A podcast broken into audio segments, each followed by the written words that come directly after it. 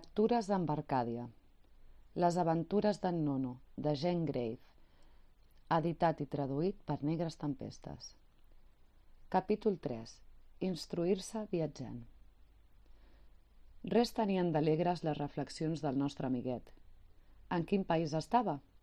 Trobaria menjar? Estava destinat a morir de fam o Nou Robinson es veuria obligat a passar la seva vida lluny de tot proisme? Robinson, si més no, en el seu naufragi va poder salvar armes, eines, queviures i va anar a parar a una illa proveïda de caça i fruits comestibles. Però en Nono, en el seu passeig, a part dels ocellets, no va veure res bo per menjar i pel que fa a eines o armes, només tenia un tallaplomes, inútil per fer caure arbres, serrar taules i caçar un pardal al vol i tornava sempre al punt de partida de les seves reflexions. Per què estava sol? On eren els seus pares, els seus germans i la seva germana? Decididament hi havia un misteri incomprensible. Completament absort en aquestes reflexions, en Nono es desinteressava del que passava al seu voltant, quan li va cridar l'atenció el bronzit fort i prolongat que produïa una abella que voleiava al seu voltant. I per nova sorpresa d'en Nono, aquell bronzit, primer confús i indistint, anava prenent poc a poc forma de llenguatge intel·ligible i semblava dir «Calma la pena, no et deixarem. Vine cap a les meves germanes. Vine i et presentaré a la nostra mare. Et consolarem en la teva angoixa. T'ajudarem en la, la teva necessitat». En no no aixecar el cap i va reconèixer la seva protegida, que li feia signes que va comprendre perfectament – la vella li indicava que s'aixequés i la seguís. Obeí sense vacilar. S'aixecà i seguí la seva guia, que es dirigia a l'arbre que servia de rusc. Però a mesura que se li apropava, el vell tronc anava perdent la forma. Els seus contorns s'atenuaven, el seu aspecte es transformava, i quan en Nono hi va ser molt a prop, va veure davant seu un magnífic palau, edificat sobre una gran terrassa, a la qual es pujava per una àmplia i senyorial escalinata de marbre. Una elegant columnata, formant en vestíbul, envoltava el monument, on es movien la multitud de deleroses abelles, unes ocupades a ventilar les diferents peces del palau, d'altres a transportar els materials recollits en els camps, mentre que d'altres treballaven encara en els murs del mateix palau, emmullant els departaments a les necessitats que se'ls destinaven.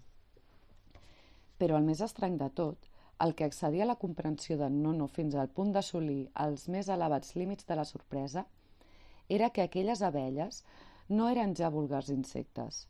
A mesura que el tronc es transformava en palau, elles s'engrandien també fins a adquirir formes humanes, sense perdre per això el seu aspecte primitiu – conservant les ales diàfanes que els permetien moure's lliurement en l'espai.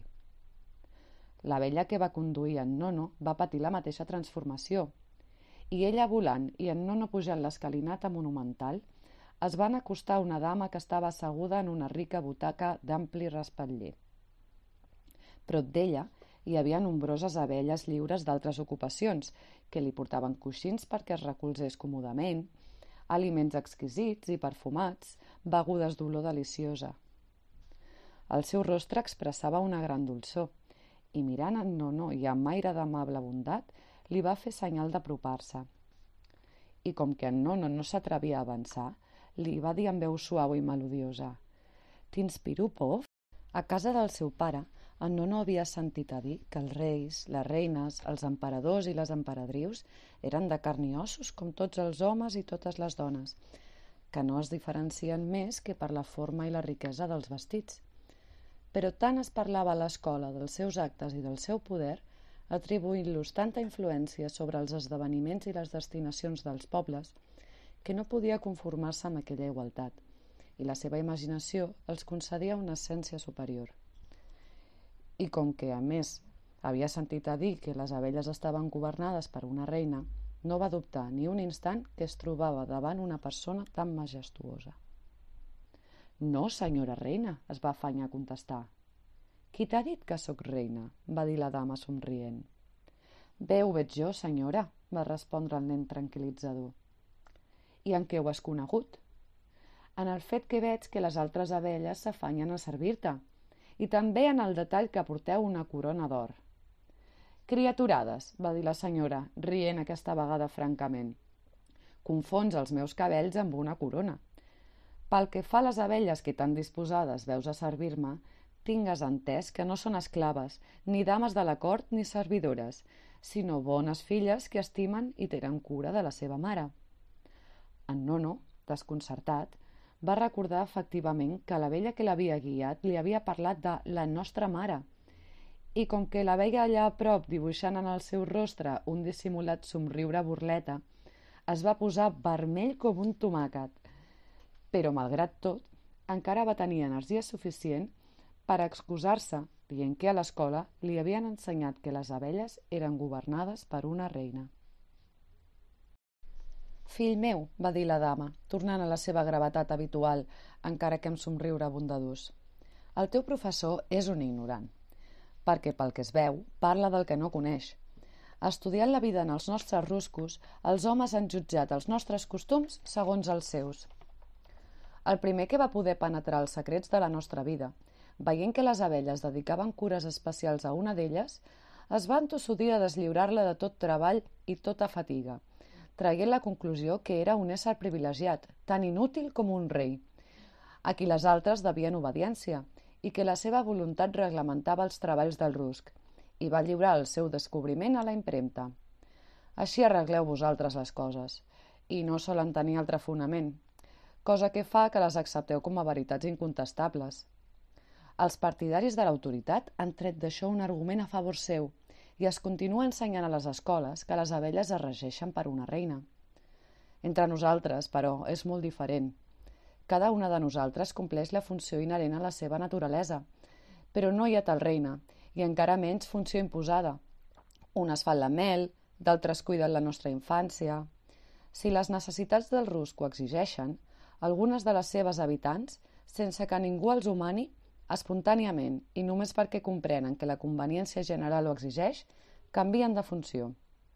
Pel que fa a mi, no sóc una reina, sinó simplement una mare encarregada de subministrar els ous que es convertiran en treballadores de la nostra república i futures mares per a nous eixams. I si les altres abelles em trien, em cuiden i em mimen, és només perquè compleixo un treball que elles no poden exercir per manca de sexe i el compliment del qual m'impedeix ocupar altres tasques. Per tant, ja ho veus, aquí no hi ha cap reina ni manaire inútil. En Nono escoltà amb la boca oberta aquella petita lliçó d'història natural, que tirava per terra totes les nocions que havia adquirit, i en el seu interior, com que era una mica llest i guardava una mica de rancúnia al seu professor que en algunes situacions l'havia reprès o castigat sense raó, va formular el propòsit d'enxampar-lo en flagrant delicte d'ignorància quan li parlés de la monarquia entre les abelles. Un somriure maliciós li omplí imperceptiblement la comissura dels llavis. «Apa, trapella», va dir la mare vella caronant-li les galtes.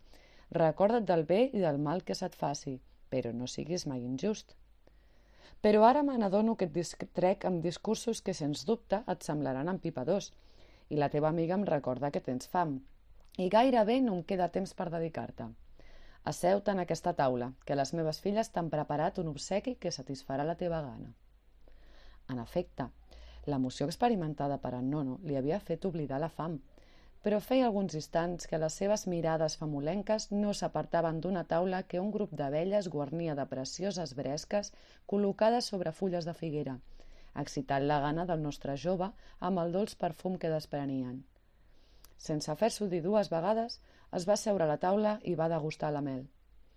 En una copa de cera modelada per al propòsit, les abelles destilaren el dolç nèctar que recullen en els calzes de les flors.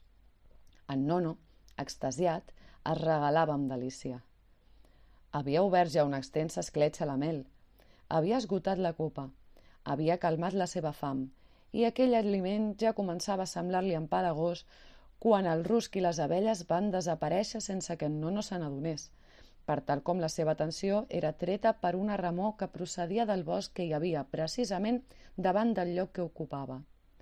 El que la produïa avançava cap en Nono desprenent enlluernadors reflexos d'or al raig del sol sense que la vista pogués distingir res.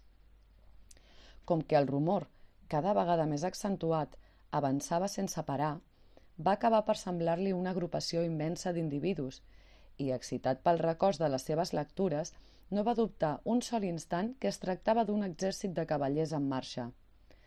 Aviat va distingir guerrers amb cuirasses daurades, cascos adornats amb banyes i plomes i ostentant escuts de maragda que desprenien reflexos verds i brillants, i li semblava que si els veia petits era a causa de la distància.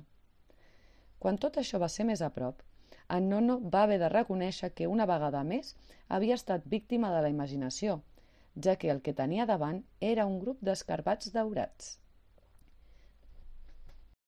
Més encara, com que avançaven caminant sobre les potes del darrere, Només percebia el seu ventre negre i lleig. Adeu, brillants guerrers, riques cuirasses i escuts espornejants. Drets sobre les potes, s'engrandien fins a assolir la mida d'un ninot de cinc cèntims. Però, oh, cruel decepció, en Nono li semblà tenir davant seu una tropa de sagristans lilipotencs.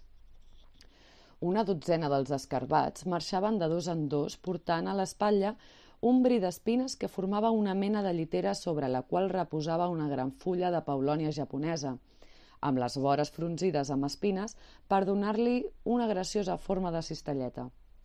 D'aquestes petites senalles, unes contenien suculentes i perfumades maduixes dels boscos i d'altres gers que desprenien perfums més àcids. Darrere de cada llitera, Darrere de cada llitera marxava un grup d'escarabats, d'entre els quals destacaven els que rellevaven els portadors fatigats. Tot plegat es dirigia processionalment cap a Nono, assegut sobre el tronc d'arbre en què la seva cadira s'havia transformat quan va desaparèixer la taula. Quan el seguici va arribar davant seu, els escarbats van formar semicercle. En primer terme destacaven els portadors de lliteres. Un d'ells va sortir del grup i va saltar sobre el genoll d'en Nono. Saludar alçant-se sobre les potes davanteres – la part posterior del seu cos quedà en l'aire i amb les potes del darrere va fregar vigorosament els seus àlitres, de manera que va produir un so poc harmoniós però molt del gust d'en Nono, que va creure que li deia «Intrèpid nen, jo sóc el que has auxiliat quan em trobava en imminent perill de mort». Sense adonar-te'n, has posat en pràctica la gran llei de la solidaritat universal, que vol que tots els éssers s'ajudin mútuament. Nosaltres no podem oferir-te una menja exquisida fruit del nostre treball, però heus aquí fruites i gers que hem agafat per tu. Espero que t'agradin i que completin el campestre àpat ofert per les nostres germanes. I a un senyal, els portadors van dipositar les cistelletes als peus del seu destinatari. Però abans de continuar endavant, observo un somriure d'incredulitat que llisca sobre els llavis dels meus joves lectors. El sento xiu-xiuejar sobre l'estranya postura que el meu orador ha pres per pronunciar el seu discurs. És cert que el vostre mestre d'escola no explica la lliçó caminant sobre les mans i que el senyor inspector no pronuncia el seu discurs en solemne acte de la distribució de premis posant-se de cap per avall. Però, amiguets, la Mare Vella ens ho ha ensenyat. Mai no has de jutjar les coses prenent-te com a model tipus, ni creure que el que fem ha de servir de regla a l'univers. I si molts dels nostres oradors, polítics o altres es veiessin obligats a fer els seus discursos en aquesta postura, això els faria baixar algunes idees al cap, la pesadesa de les quals, sens dubte, les impedeix pujar quan es troben peus, i per la mateixa raó les seves proclames resulten estèrils i buides. A la vista d'uns fruits tan apetitosos, en Nono va sentir que la boca se li feia aigua, però començava a formar-se, i va comprendre que abans d'afartar-se com un golafre havia de mostrar la seva gratitud d'aquells generosos escarbats. Senyor Escarbat, va dir, posi els vostres companys, sou molt amables i estic molt content amb el vostre regal. Amb molt de gust menjaré aquestes maduixes que em semblen excel·lents. Però en realitat no mereixo tant. Exagereu el servei que us he prestat. Estàveu ficat en un embolic de branques d'on no podíeu sortir i d'on us he tret sense la menor molèstia. Senzillament us he posat a recer de la vista del pinsà. Ja veieu que l'acció en té poc de meritòria i em confon obtenir les vostres lluances per tan poca cosa. Oh, va dir l'escarbat, si es mesura el servei per la pena que costa, el teu és de mínima importància. però com que et dec la vida, mereix gran consideració per mi. Un servei no ha de mesurar-se així. El que s'aprecia és la manera de prestar-lo, l'espontaneïtat i la bona gràcia que l'acompanyen. Pren aquests fruits amb la mateixa bona voluntat amb què te'ls oferim i amb això quedem compleguts. L'escarbat va agitar les antenes a manera de, de salutació i es va preparar a baixar de la tribuna que havia escollit. En aquest cas, gràcies, va dir en Nono. Ja ho veieu, amb el vostre permís. L'escarbat va baixar el genoll d'en Nono i aquest va agafar un dels cistellets i el va despatxar en un no-res i va passar el segon. Els escarbats, veient-lo tan enfeinat, van reprendre la forma d'insectes i van volar cap al bosc. En Nono, veient-los volar, va sentir pena pensant que es quedava tot sol. Els va veure perdre's entre el fullam i li va semblar com si antics amics l'abandonessin.